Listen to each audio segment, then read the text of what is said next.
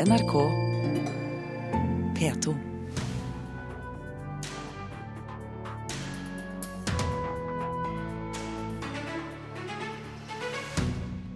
Folk vet for lite om hva det er lov å publisere på nett, mener advokaten, som får stadig flere henvendelser fra folk som har blitt krenket på sosiale medier. Den amerikanske talkshow-verten David Letterman avslutter sin 33 år lange TV-karriere i dag. It's been great. You've been great. The network has been great, but I'm retiring. Og en uvanlig klok og inntrengende historie, det sier vår anmelder om Wenche Myhleisens siste roman, hvis det i det hele tatt er en roman. Marta Norheim er uansett på vei til studio for å snakke om eh, kanskje det ennå finnes en åpen plass i verden. Kulturnytt får du med Birger Kolsrud Aasund i studio. Så langt i år er seks personer dømt for ytringer i sosiale medier. Det viser en gjennomgang rettsavgjørelser NRK har eh, gjennomført. For Stian Sopp og familien hans ble krenkelser på Facebook en stor belastning. Jeg ble veldig sånn eh, emosjonelt berørt. Jeg ble veldig sint. Jeg ble veldig lei meg når jeg så det. Stian Sopp opplevde marerittet da stemoren hans ble livstruende skadet i en rulletrappulykke på Gjøvik. Ulykken ble omtalt av flere lokale medier, og det tok ikke lang tid før den ble latterliggjort i sosiale medier. Eh, det som skjedde var at eh, det var folk som begynte å skrive sjikanerende innlegg. og Det kom fra forskjellige steder, men eh, det var, to, det var et par innlegg jeg så hvor ett av dem var ganske grovt. Sopp og familiens opplevelse av å bli latterliggjort i sosiale medier er ikke unik. Så langt i år er seks personer dømt til fengselsstraff eller ilagt bøter for krenkende, truende eller personvernsinnskrenkende ytringer i sosiale medier. Det viser en gjennomgang NRK har gjennomført du har alt fra liksom, trusler, altså hvor det er åpenbart at vedkommende ønsker å, å, gjøre noe ubehagelig overfor en annen, til det jeg vil kalle det mer uskyldig, eller der man ikke mener å gjøre noe galt, men man legger ut kanskje bilder av andre personer uten at man har tenkt på at uh, utgangspunktet er at det må man ha samtykke til. Eller at man uh, går litt hardt ut med beskyldninger mot folk, uten at man kanskje har uh, dekning for dem. Advokat Jon Wessel Aas har lang erfaring med saker om ytringsfrihet på nett, og var forsvarer i en av sakene der en mann ble dømt for krenkelser. Han mener folk vet for lite om hva det er lov å publisere i sosiale medier. Dette med grensen mellom ytringsfrihet og folks privatliv f.eks., eller det vernet vi alle har mot å bli utsatt for uh, urettmessige beskyldninger, der tror jeg folk har litt å lære. For det har vært sånn som først og fremst vanlige medier har måttet kunne de grensene før. Og de må vanlige mennesker som er publisister i dag, også lære seg. Lenge var det nemlig ikke tydelige grenser for hva privatpersoner har lov å publisere på nett. Men i 2013 fikk man en endring i straffeloven som kort fortalt gjør at også ytringer fra privatpersoner på internett er like straffbare som ytringer som blir fremsatt på trykk eller overfor en større forsamling. Så nå er det i hvert fall ikke sånn eh, som noen tror, at internett er noe lovløst sted eller noe sånt. For Stian Sopp var opplevelsen av at stemoren ble hetset på nett så ubehagelig at han vurderte å anmelde forholdene. Men for han ble det viktigste å dele det familien hans opplevde, og innlegget han skrev om saken på Facebook er så langt delt flere hundre ganger. Hvis flere gjorde det sånn, så viser det på en måte hvor terskelen ligger på, på det å kunne skrive sjikanerende ting på nettet. og Da, da vil det jo bli en, en måte, kultur ut av det her, og så vil jo de unge ta det, og så, ja, så blir det ikke greit til slutt. Reporter her, det var Ingvild Fjeltveit. Fjelltveit. Og hvis du er interessert i denne tematikken, så kan jeg fortelle at det blir eh, mer å lese, eller det er mer å lese hvis du går inn på nrk.no.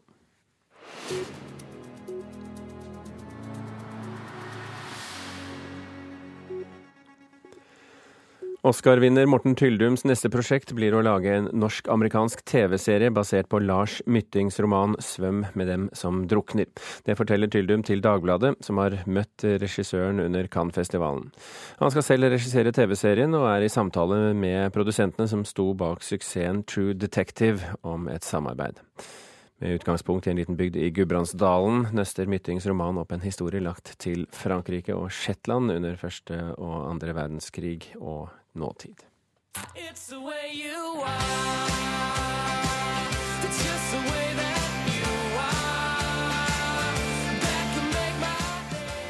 Både danske Antisocial Media og de finske punkrockerne i Pertti Kurikan Nimi Peivat ble slått ut i gårsdagens semifinale i Eurovision Song Contest i Wien.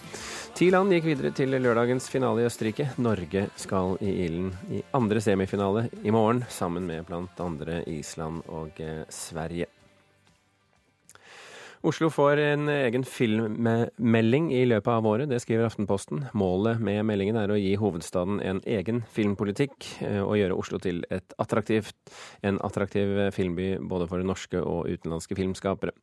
Oslo har havnet i budkrig med Stockholm om å være innspillingssted for filmen basert på Jo Nesbøs roman 'Snømannen'. I dag sender den amerikanske talkshow-verten David Letterman sitt siste show. I 33 år har han underholdt millioner av mennesker og blitt hyllet av norske artister og eh, programledere.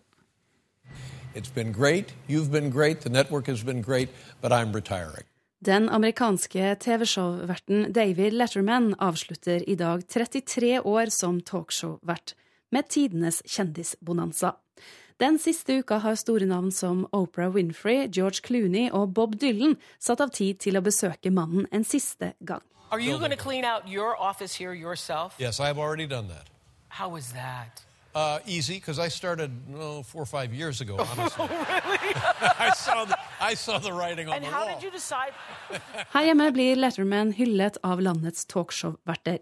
Det er jo en æra som på en måte er forbi da, med mm. han.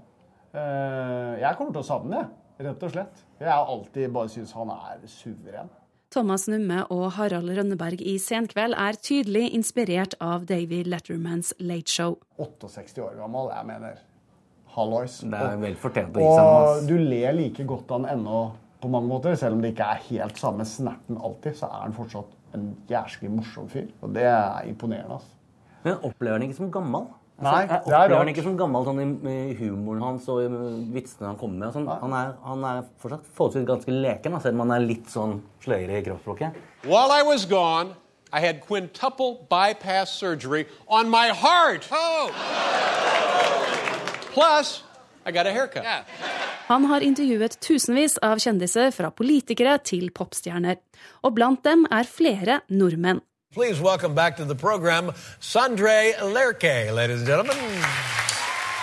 Når han kommer bort til dem, tar de i hånden etterpå og sier et eller annet so, Great job, liksom. Så, oh, Gud. Altså, det, det, det, er jo Letterman. Han er jo den største av, av de som fyller den institusjonen som det tross alt er. Den norske artisten Sondre Lerche bor i USA og har gjestet David Letterman to ganger. Også nordmennene Nico Vince, Maria Mena, Sissel Kyrkjebø og Liv Arnesen og Mona Gruth har gjestet amerikaneren. Lerche er stor fan av TV-showet og har studert det for å lære triks til sitt eget sceneshow. Og det at han bruker seg selv også som punchline i de fleste spøkene. Altså de fleste uh, tingene bruker han seg selv og sin karikatur. da og driver gjøn med seg sjøl.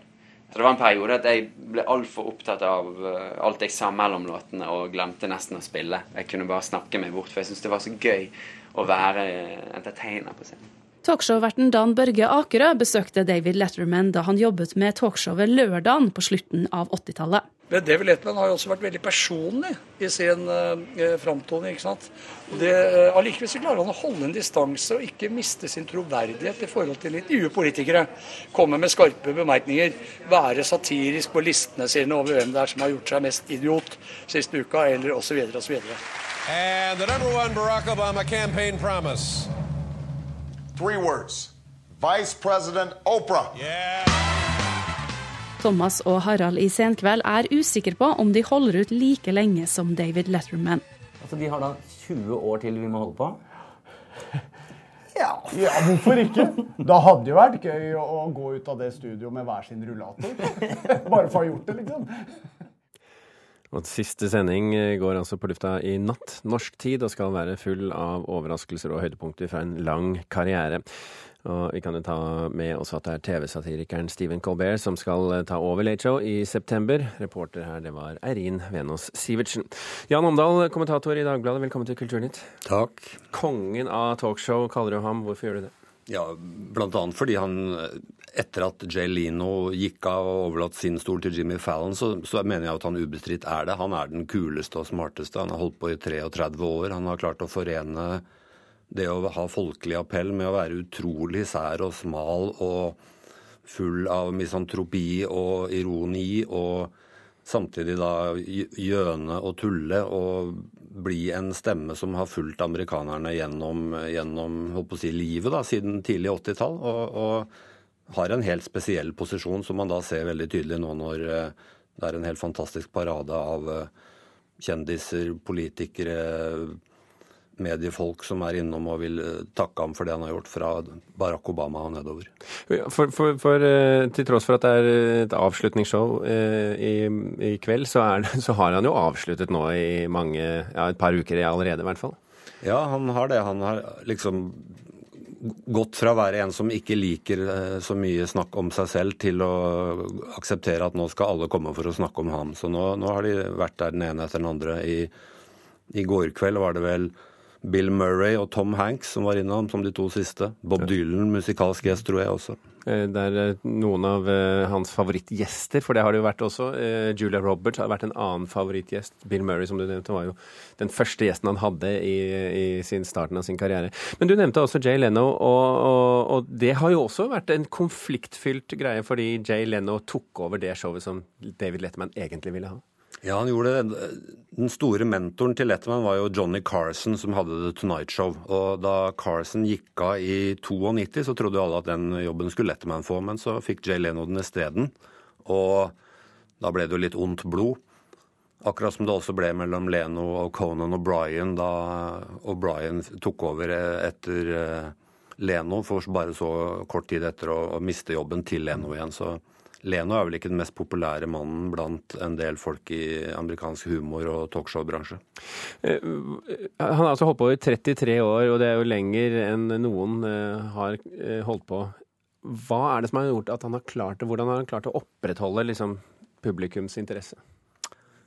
Ja, Det er jo si, nesten utrolig at man kan klare det. Men altså, jeg tror det er denne blandingen hans av det folkelige. At han på den ene siden liksom kaster vannmeloner ut fra taket av bygningen hvor de sender programmene, og har sånne fjolleposter som 'Will it float' og 'Stupid pet tricks' og sånne ting som alle elsker. Og så at han samtidig er smart og sær nok til at han også blir veldig høyt elsket av de smarteste komikerne og skuespillerne og politikerne som er innom, at han kan stille dem til veggs og samtidig få dem til å skinne på sitt beste. Han har... For han har jo også vært fryktet som intervjuer. Han har ikke vært noen sånn uh, tullebukk eh, bak mikrofonen? Absolutt ikke. I motsetning til f.eks. Jimmy Fallon og for så vidt langt på vei også Jay Leno, så er jo Letterman en fyr som absolutt ikke legger skjul på hva han føler om de han har som gjester. Og han kan være både kritisk og meget skarp og ironisk, og også bare direkte uinteressert når han syns han har kjedelige gjester. Eh, vi får se hvordan det blir i kveld. Det blir vel mer på den vennlige siden, går jeg ut fra. Litt sånn kosebamse som tar, eh, tar farvel. Eh, Jan Omdal, takk for at du kom til Kulturnytt. Takk for at jeg fikk komme. Klokken er 16 eh, minutter over eh, åtte. Du hører på Kulturnytt, og dette er eh, toppsakene i Nyhetsmorgen nå.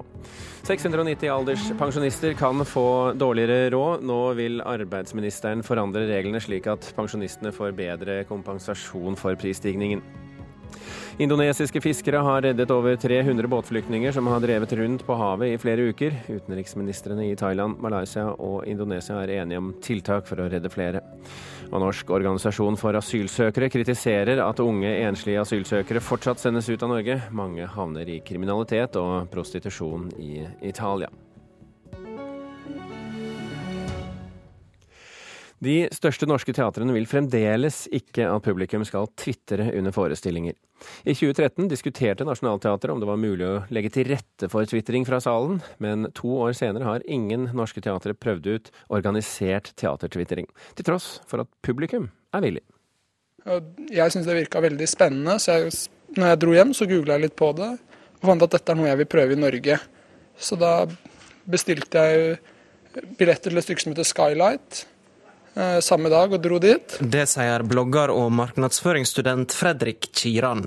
Han bestemte seg for å prøve ut teatertvitring etter å ha hørt om fenomenet i ei forelesning. Jeg tok bevisst da og satte meg på første balkong For å ikke være til sjenanse for noen av skuespillerne, sånn at de ikke skulle merke at jeg tweeta. Og tweeta da, med, som jeg skrev i innlegget, med opplevelsen at de rundt seg ikke brydde meg. Når jeg liksom prøvde å ta litt hensyn med lav skjermstyrke og gjøre det skjult. Jeg vil absolutt dra mer, og det er derfor jeg mener at dette er en måte å tiltrekke seg flere unge. Da. Noen teater i USA har faktisk gått så langt som å tilby egne tweet seats til publikum. Men da Nationaltheatret her hjemme for noen år siden ønsket å legge til rette for tvitring fra salen, ble det bråk. Ja, jeg synes det er Håret reiser seg jo nesten på hodet mitt.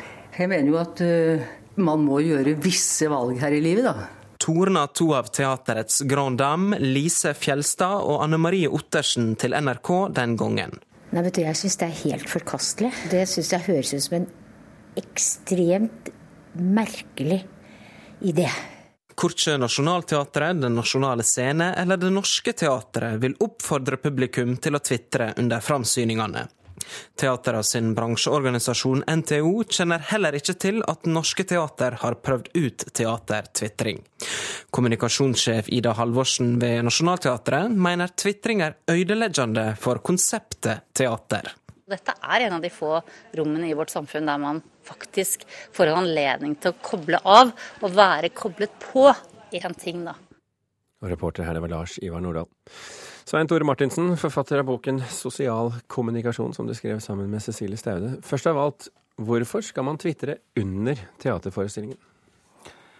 Det er noe med det umiddelbare. Når man har en positiv, god opplevelse, så har man, eh, en del av oss iallfall, ikke alle på langt nær, men en del av oss har lyst til å dele den opplevelsen som vi har, der og da. Det er vel ikke bare positive opplevelser man har lyst til å dele? Nei, man kan dele positive opplevelser og mindre positive opplevelser. Jeg syns jo teatret på mange måter er litt for eh, konform. Liksom alle skal sitte stille, alle skal skru av mobilen, og så skal vi trampeklappe til slutt. Eh, flere av oss har lyst til å gi ut uttrykk for de synspunktene og de opplevelsene vi har. Og det å sende en tweet eller to i løpet av en akt, eh, det er jeg veldig positiv til. Men hvorfor ikke vente til pausen eller til etter forestillingen? Det kan man jo selvfølgelig gjøre, og det er jo en del som gjør det, det, også. Men da mister du kanskje noen eh, poenger. Du mister eh, noen momenter som eh, det middelbare kan, kan tilføre. Så, så, det å tvitre også litt underveis, det har jeg tro på at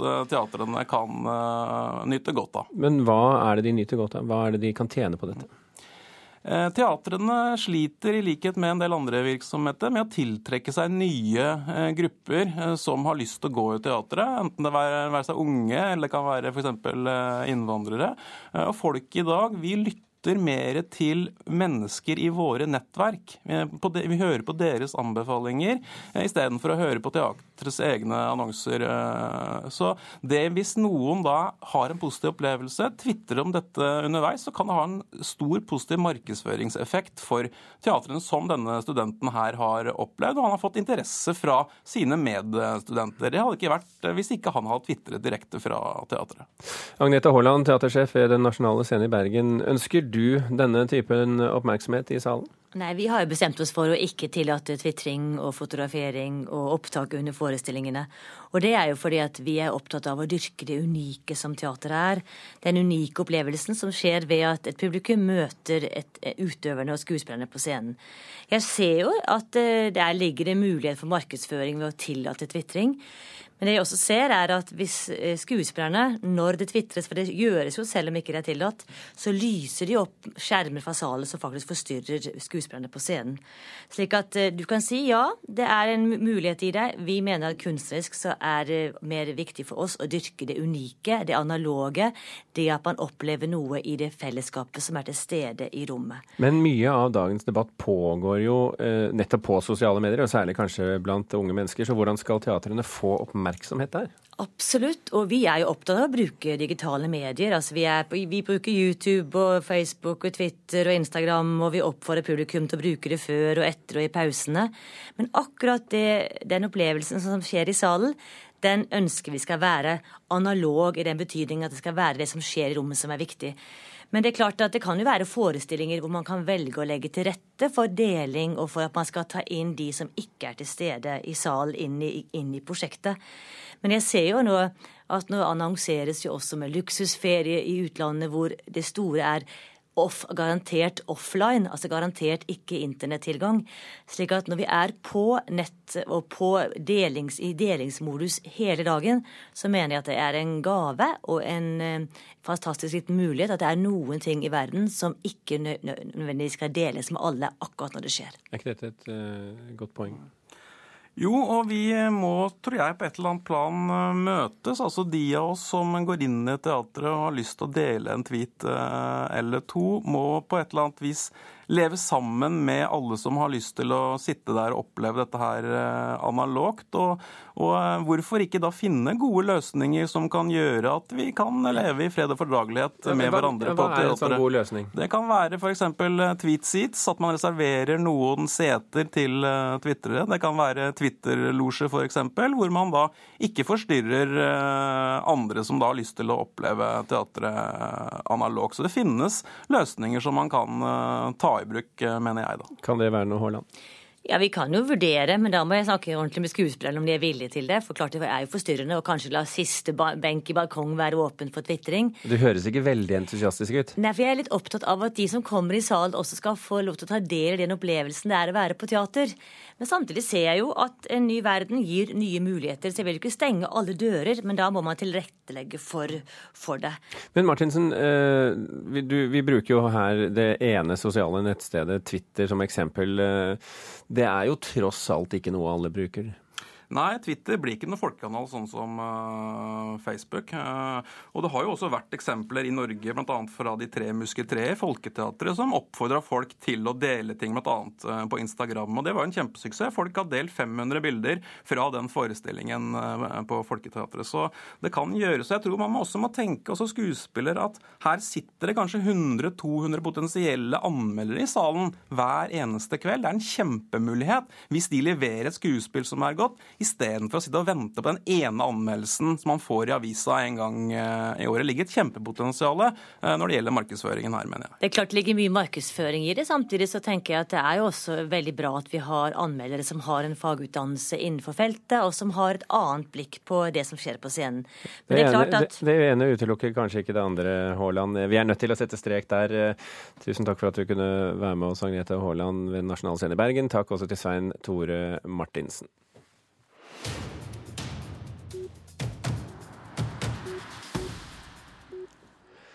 Kjønns- og medieforsker Wenche Myhleisen har de seneste ukene fått eh, ganske mye oppmerksomhet for sin nye bok 'Kanskje det ennå finnes en åpen plass i verden'. Her skildrer hun hvordan hun i ni år fra midten av 70-tallet bodde i et beryktet østerriksk eh, kollektiv med fri sex, der alle oppdro hverandres barn. Og litteraturkritiker Marta Norheim, hva hva slags kollektiv er det vi snakker om her, først og fremst? Ja, altså Dette er jo en av eh, de mange kollektivene som oppsto på 70-tallet, men kanskje det som holdt det lengst gående og som var det mest kjente. De gikk jo radikalt til verks for å frigjøre både individet og samfunnet ifra undertrykkende mekanismer. Og det eh, AAO gikk inn for, var altså eh, en slags Reich-inspirert terapi som de kalte for selvstarstellung, der du skulle på en måte eh, komme deg ned til ditt eget nullpunkt, og så bygge deg opp igjen som det nye mennesket.